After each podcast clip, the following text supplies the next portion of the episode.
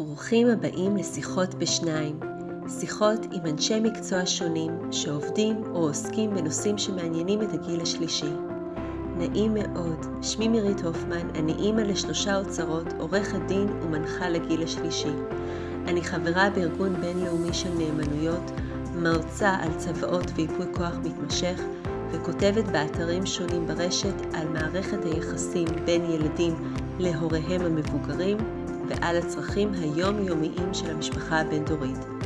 הפודקאסט הינו מפגש אישי עם איש מקצוע בתחום הגיל השלישי, ומיועד לכל מי שמתעניין בהעשרה ובמידע חשוב בקשר לנושאים הקשורים בעיקר לקבוצת גיל זו. בואו נתחיל. האזנה נעימה. והיום אנחנו אה, מדברות עם אביטל גון מאירי, שהיא מתמחה, עורכת דין, שמתמחה בתחום הסיעוד. אז אה, ערב טוב אביטל, ותודה רבה שאת אה, מצטרפת אליי לשיחה היום. ערב טוב מרית, ותודה שהזמנת אותי. בשמחה רבה, בואי תציגי את עצמך. אה, טוב, אז כמו שמרית אמרה, אני עורכת דין, שמי אביטל גון מאירי, ואני עוסקת בנושא תחום הסיעוד לגיל השלישי.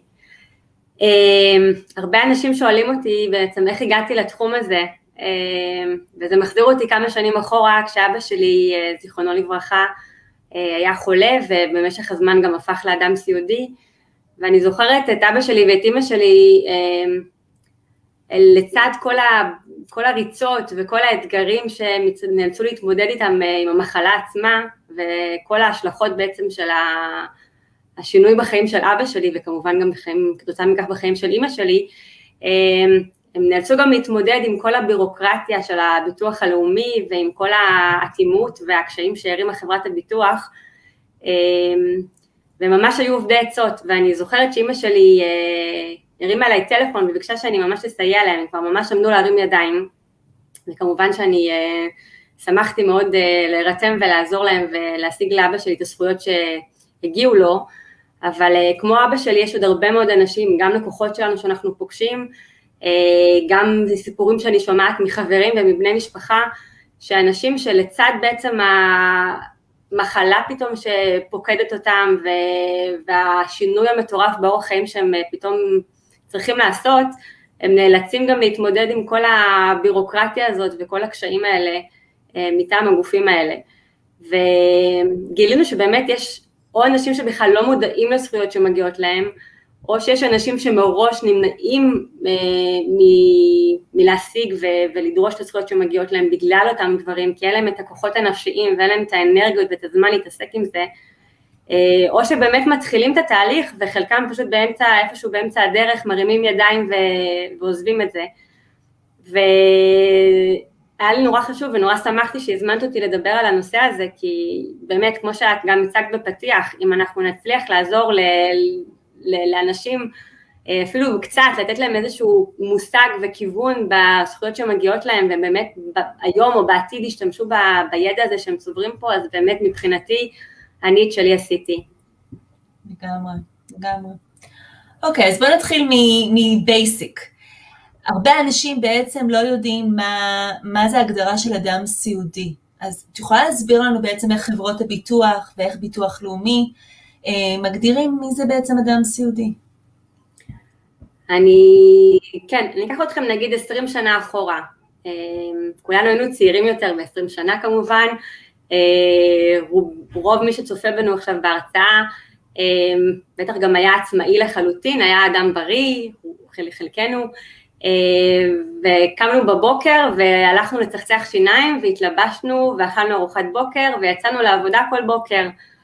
ותחשבו על היום, אה, שחלקכם אולי כבר היום לא מסוגלים לבצע את כל אותן הפעולות, חלקכם אה, מתקשים אה, לגרוב גרביים ולנעול נעליים, וחלק זקוקים למישהו שיעזור להם להתקלח כי, כי הם יכולים ליפול, או שהם לא מצליחים לסבן את הגב, וזה בעצם ההבחנה בין אדם שהוא עצמאי לבין אדם שהוא סיעודי.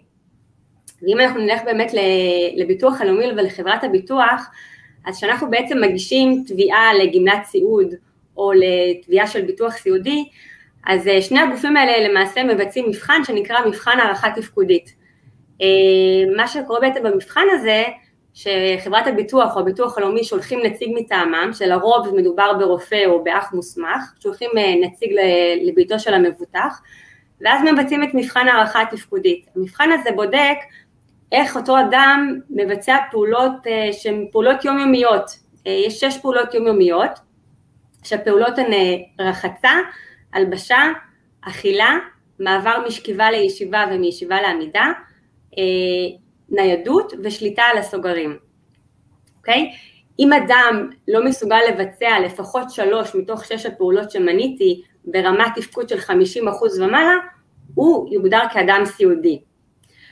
פרט לירידה ב, ביכולת התפקודית, יש גם קטגוריה נוספת, שבעצם היא אה, נקראת שישות נפש, זה, הגע, זה המונח המקצועי, כלומר כשאדם יש לו ירידה אה, בכושר הקוגניטיבי שלו, אה, למשל כתוצאה מאלצהיימר או דימנציה, ויש למשל ירידה בזיכרון או ירידה בכושר ההתמצאות שלו או האוריינטציה שלו, יש ירידה באוריינטציה, אז הוא עשוי גם כן להיות מוגדר כאדם סיעודי.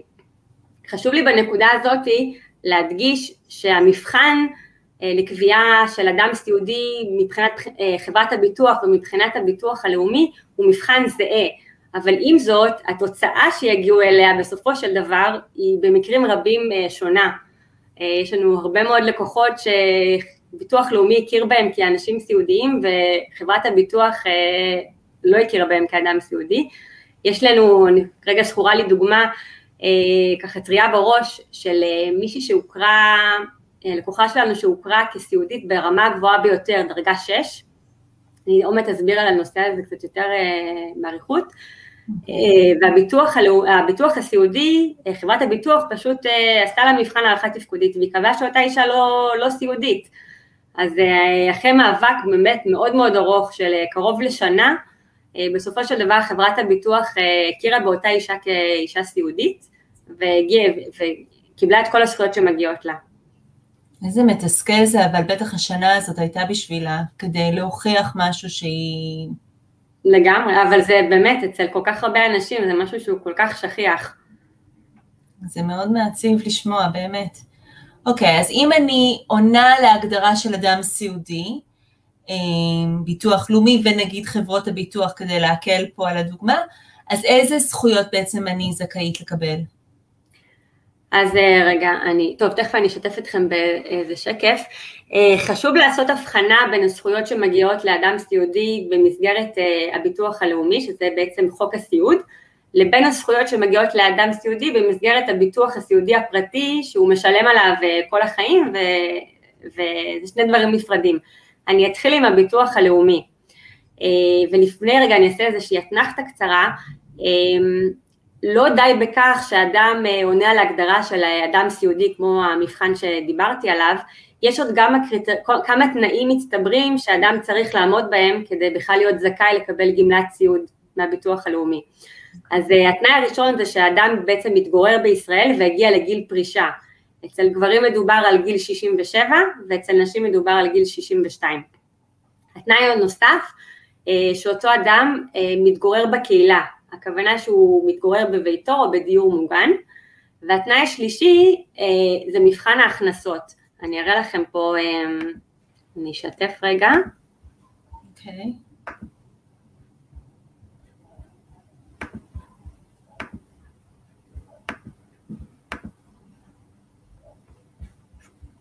אני לא... טוב, אני רואה שאני לא מצליחה לקחת. הרגע, שנייה. את לא מצליחה לשתף את זה? דקה, בואו ננסה עכשיו.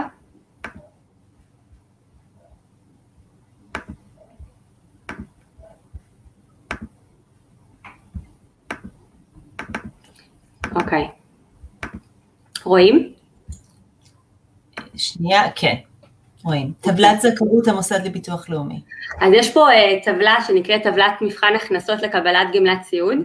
אז הביטוח הלאומי, אה, כשהוא בא באמת לבדוק אם אדם זכאי לקבל גמלת סיעוד, הוא גם בודק את ההכנסות שלו. ההכנסות, הכוונה אה, לפנסיה שאדם מקבל, לכל מיני קצבאות מהביטוח הלאומי, כמו למשל אה, קצבת זקנה או קצבת שאירים, ואם יש לי הכנסות גם משכר דירה. אז בעצם את כל הדברים האלה הוא לוקח ביחד ומשקלל, ואז הוא עושה בדיקה, הוא עושה טבלה ובודק מה ההכנסות שלי. הביטוח הלאומי גם עושה הבחנה אם מדובר באדם שמתגורר לבדו, או עם אדם שמתגורר עם בן או בת זוג ביחד. ואז כמו שאתם יכולים לראות בטבלה, אנחנו יכולים לדעת מה גמלת הסיעוד שהוא יקבל. אם הוא עומד ב, ברף אז הוא יקבל גמלת סיעוד מלאה, אם הוא עומד באמצע או עבר את הרף אבל לא הגיע לרף העליון אז הוא יקבל גמלת אה, סיעוד בשיעור 50% ואם הוא עבר את הרף העליון אז הוא לא יקבל, הוא לא יהיה זכאי בכלל לגמלת סיעוד.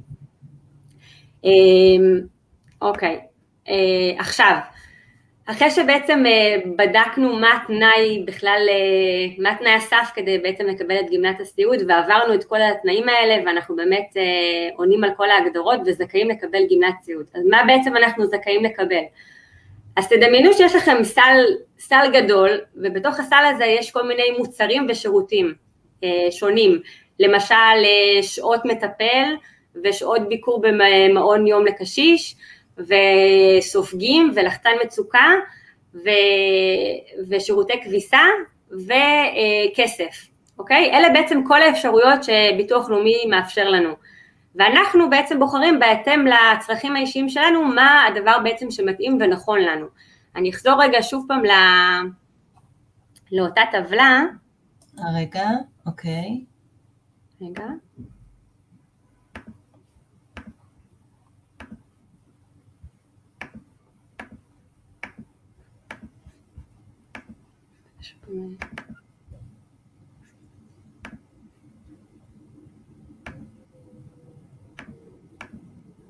רגע. לא, לא רואים את הטבלה? לא, לא רואים את הטבלה.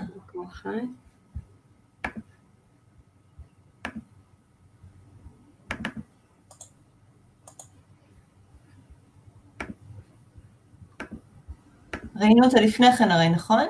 כן, כן. זהו, לא רואים אותה עכשיו. אוקיי, אז הנה עכשיו. כן. אז אה, בעצם אתם יכולים לראות פה שיש לנו אה, שש רמות, הביטוח הלאומי יש לו שש רמות, שבעצם מהרמה, אה, הרמה אחת זה בעצם אדם שהוא יחסית מתפקד בכוחות עצמו, הוא זקוק לעזרה קלה מאוד, והרמה הכי גבוהה היא בעצם רמה שש, האדם שזקוק לעזרה מלאה במרבית הפעולות. אה, ובעצם לפי הרמה שנקבעת, נקבע, נקבעות אה, כמות השעות השבועיות שמוענקות לאותו אדם. אוקיי, אתם יכולים לראות שבדרגה 6 למשל, אה, אדם זכאי ל-30 שעות, שעות שבועיות למטפל ישראלי, אוקיי? עכשיו אפשר לשחק עם הסל הזה. עכשיו דיברתי על נושא של המרה לכסף, המרה בכסף של חלק מהשעות. נכון. אז ככה, אז ברמת עיקרון אפשר להמיר עד 4 שעות שבועיות בכסף, שכל שעה מתומחרת ב-205 שקלים, כשאפשר לקבל עד, להמיר עד שליש מהשעות בכסף אה, באישור מיוחד של עובדת סוציאלית, אוקיי? אה, חוץ, מכ... חוץ מזה, מי שמוכר כניצול שואה והוכר בביטוח הלאומי כסיעודי בדרגה 4 ומעלה, יהיה זכאי לתוספת של 9 שעות שבועיות, ומי שהוכר כסיעודי, בנוסף לזה, כן, מי שהוכר כסיעודי בדרגה חמש ומעלה, אה, יהיה זכאי גם להנחות נוספות, אה, כמו למשל הנחה בחשבון חשמל, בארנונה, במים, בטלפון וכדומה. אז אה, זה בעצם מה שאנשים זכאים במסגרת הביטוח הלאומי. חשוב לי לציין, אנחנו כבר מדברים בזה, שמדינת ישראל מה שהיא נותנת, מעניקה לאנשים שסיעודיים, זה לא יותר מדי. אה, העלויות של אדם סיעודי, העלות הטיפול באדם סיעודי היא מאוד מאוד גבוהה, אני רק ככה אסבר את האוזן, עלות הטיפול באדם סיעודי ששוהה בבית היא נעה סביב ה-8,000 שקלים בחודש, ואדם סיעודי שמתגורר, שוהה בדיור מוגן או בבית אבות, העלויות כבר מגיעות ל-15, 18 ואפילו יותר שקלים בחודש.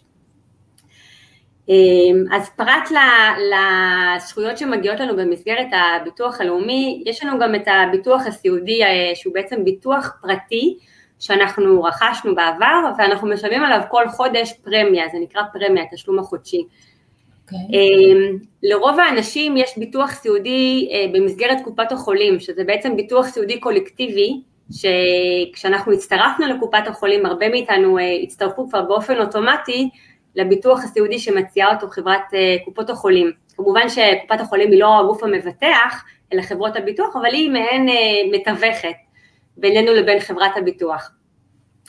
אז בעצם הביטוח הסיעודי מאפשר לנו לקבל, בהנחה ואנחנו באמת עונים על הגדרה של סיעודיים, לקבל פיצוי חודשי בכל חודש בגובה אלפי שקלים. אז אם אנחנו מדברים על הביטוח הסיעודי של קופות החולים, מדובר ב... כיום הביטוח הוא בעצם ביטוח פוליסה אחידה לכל קופות החולים, אין, אין קופת חולים שמעניקה משהו שונה מקופת חולים אחרת. ובעצם התשלום החודשי שלנו ומה שאנחנו בעצם נקבל כשאנחנו נממש את הביטוח הסיעודי זה מותנה בגיל ההצטרפות שלנו לפוליסה. את, את, את רואה פה את הטבלה עכשיו שאני מציגה? כן. כן. אוקיי, אז אפשר לראות באמת שמבוטח ששוהה בביתו והצטרף בגיל, נגיד בגיל 48 לרכש את הביטוח הסיעודי הזה, אז כשיקרה מקרה הביטוח, יהיה זכאי לתגמול חודשי בגובה 5,500 שקלים לחודש. לעומת אדם שלמשל יצטרף לביטוח הסיעודי בגיל 65, וכשיגיע מקרה הביטוח יהיה זכאי לתגמול חודשי בגובה 3,500 שקלים לחודש, אוקיי? עכשיו כמה נקודות לגבי הביטוחים הסיעודיים, הקולקטיביים, תגמולי הביטוח משולמים למבוטח עד לתקופה של חמש שנים, ל-60 חודשים במקסימום, כלומר ברגע שקיבלתי את הביטוח הסיעודי וחלפו חמש שנים, אז החל מהחודש ה-61 אני כבר לא אהיה זכאי לשום, כי אני לא אהיה זכאית לשום כיסוי מבחינת הביטוח הסיעודי, וכל העלויות שככה קצת הביטוח עזר לי לממן, זה ייפול אך ורק על הכתפיים שלי ושל בני המשפחה שלי. יש כמובן ביטוחים, יש הרחבות לביטוחים, ויש ביטוחים פרטיים, שבעצם יכולים להיות ביטוחים תקופה ארוכה יותר, יש ביטוחים פרטיים שהם גם לכל החיים, אבל כמובן אנחנו אז נשלם עליהם הרבה יותר כסף בפרמיה החודשית. דבר נוסף שאני רוצה לחדד בעניין הזה, ביטוח סיעודי, חברת הביטוח מתחילה לשלם את התגמולים החודשיים אחרי 60 ימים מהיום שהיא אישרה את התביעה, כלומר אם אני הגשתי תביעת הסיעוד והתביעה אושרה החל מהיום, אני אתחיל לקבל את התגמולים רק מהיום ה-61, אוקיי? לגבי אדם ששוהה במוסד, אז התגמולים שחברת הביטוח משלמת הם גבוהים יותר, את יכולה לראות בטבלה פה, וזה כמובן כנגד קבלות, ועד 80 אחוז אה, אה, מהערך. כלומר, אם אני שוהה עכשיו במוסד שעולה עשרת אלפים שקלים בחודש, הצטרפתי נגיד בגיל 45 אה, לביטוח הסיעודי, אני אהיה זכאית להחזר בגובה של 8,000 שקלים בחודש. רגע, איפה אנחנו רואים? זה אם אתה שוהה במוסד? זה נשאר במוסד, כן. אה, אוקיי. אוקיי? אז אה, זהו, אה, יכול מאוד, להיות, יכול מאוד להיות שלאדם יש מספר ביטוחים סיעודיים, למשל אחד דרך קופת החולים וביטוח סיעודי שהוא רכש באופן פרטי, ואז אפשר לתבוע גם את שני הביטוחים ביחד ולקבל אה, כפל תגמולים, אוקיי? זה לא סותר. והערה האחרונה שיש לי ככה לציין בנוגע לביטוחים הסיעודיים, ברגע שחברת הביטוח אישרה את תביעת הסיעוד והיא מתחילה כבר, אני מתחילה לקבל כסף לחשבון הבנק, אני מפסיקה לשלם את הפרמיה, אוקיי? מדובר על אה, אלפי שקלים בשנה שאנחנו בעצם משלמים עבור הביטוח הסיעודי, אז ברגע שהתביעה אושרה, אני מפסיקה גם לשלם את התגמולים, את הפרמיות האלה. אז זה טוב מאוד לדעת, אני לא יודעת אם כולם בכלל ידעו את הדבר הזה, אוקיי. איך אני יודעת אם בכלל יש לי ביטוח סיעודי, נגיד חוץ מקופת חולים, איך אני יודעת אם אולי שילמתי, אולי משלמת, לא כולם ממש בקיאים במה שיש להם. גם, ביטוח, גם, גם, ב, גם בביטוח הסיעודי של קופות החולים, אה, ברגע שיראו אותך, אה, הרופא שלך יראה שאת אותך ויבחין שאת אה, באמת סיעודית, הוא לא ירוץ ויספר לך שיכול להיות מאוד להיות שיש לך ביטוח סיעודי דרך קופת החולים. יש אתר שנקרא אתר הר הביטוח, הכתובת שלו, את רואה אותה, נכון? רואים אותה? כן. אוקיי. אה, זה אתר ש...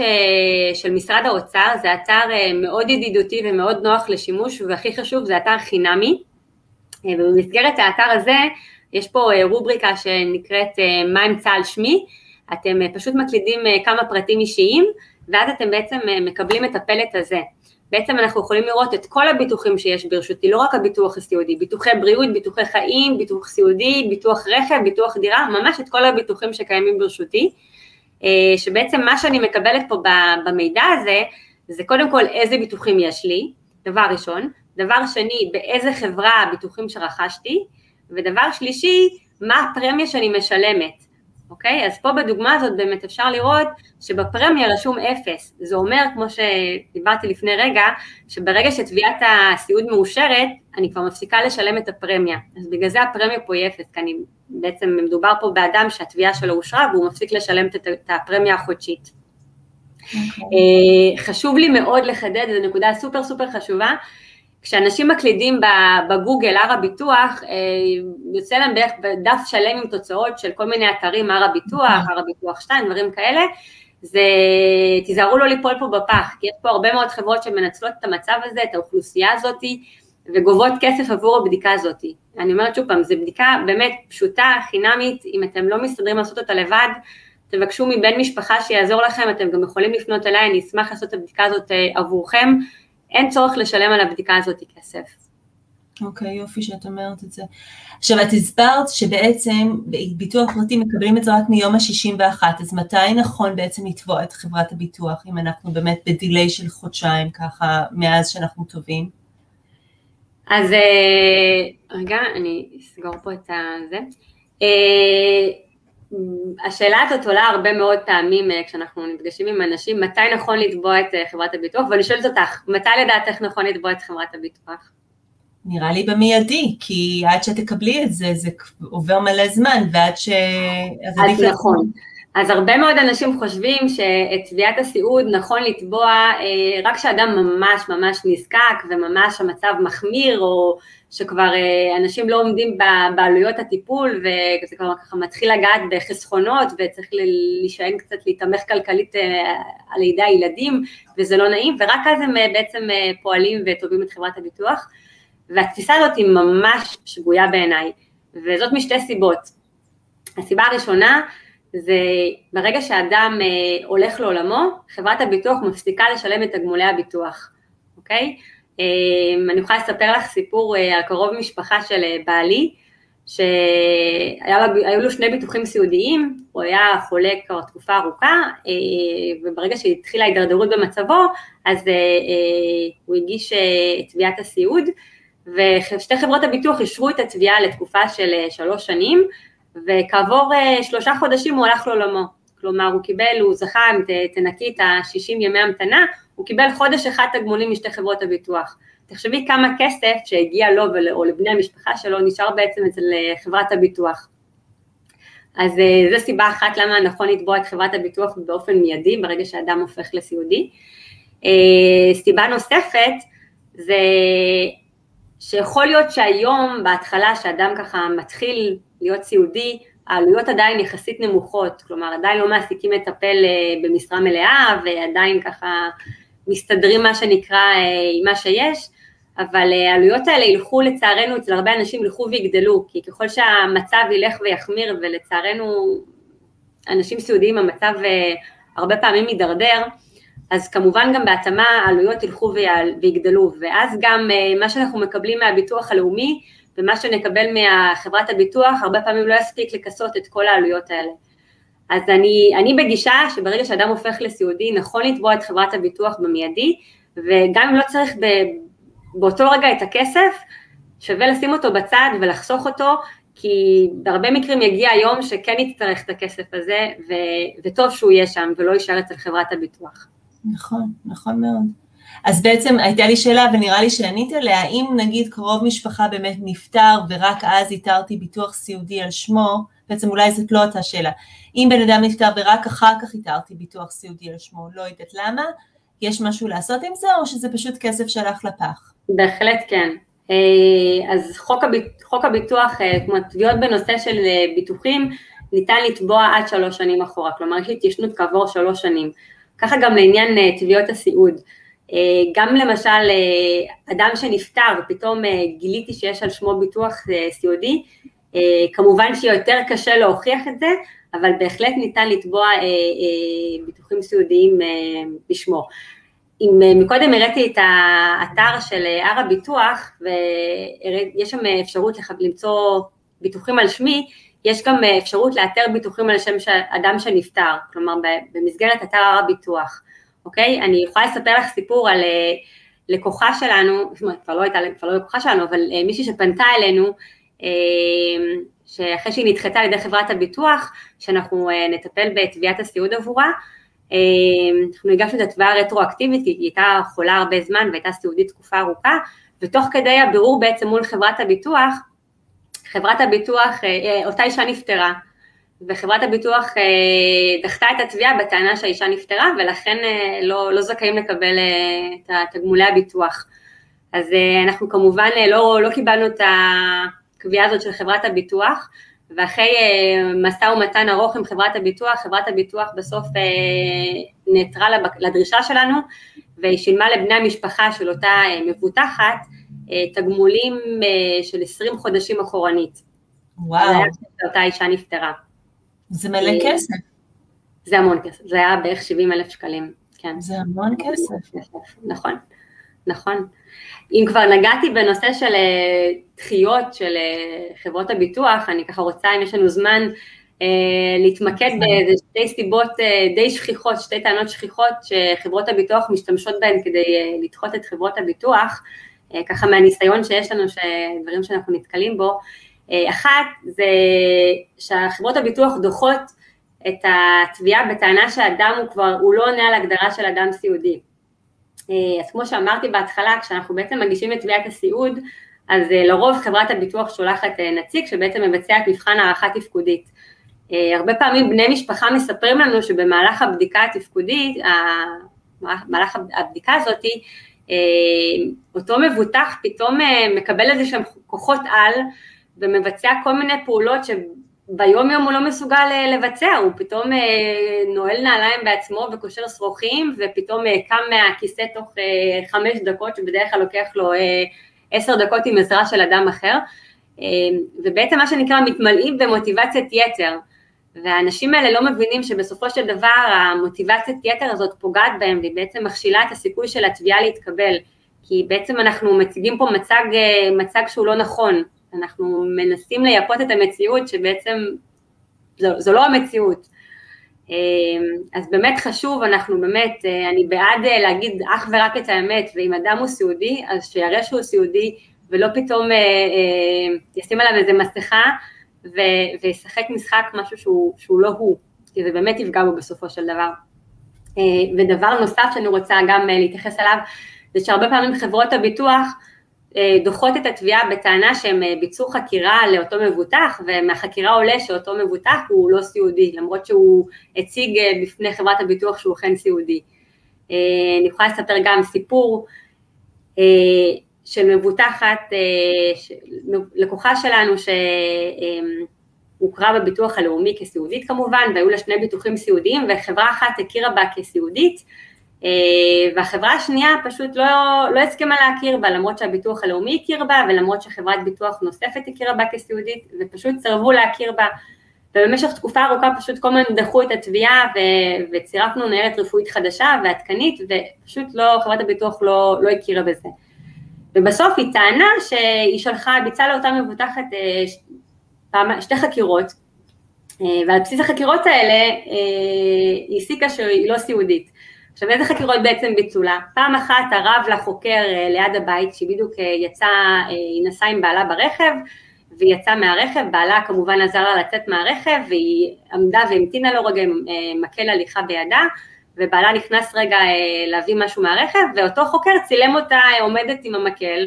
ומזה חברת הביטוח הסיקה, כן, שהיא מסוגלת לצאת מהרכב בכוחות עצמה והיא כבר לא סיעודית.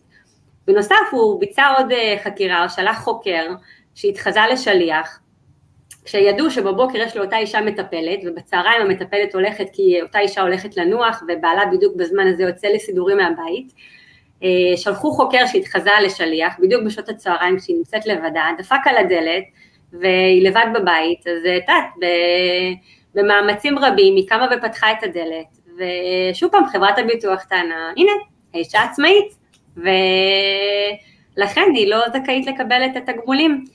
אז כמובן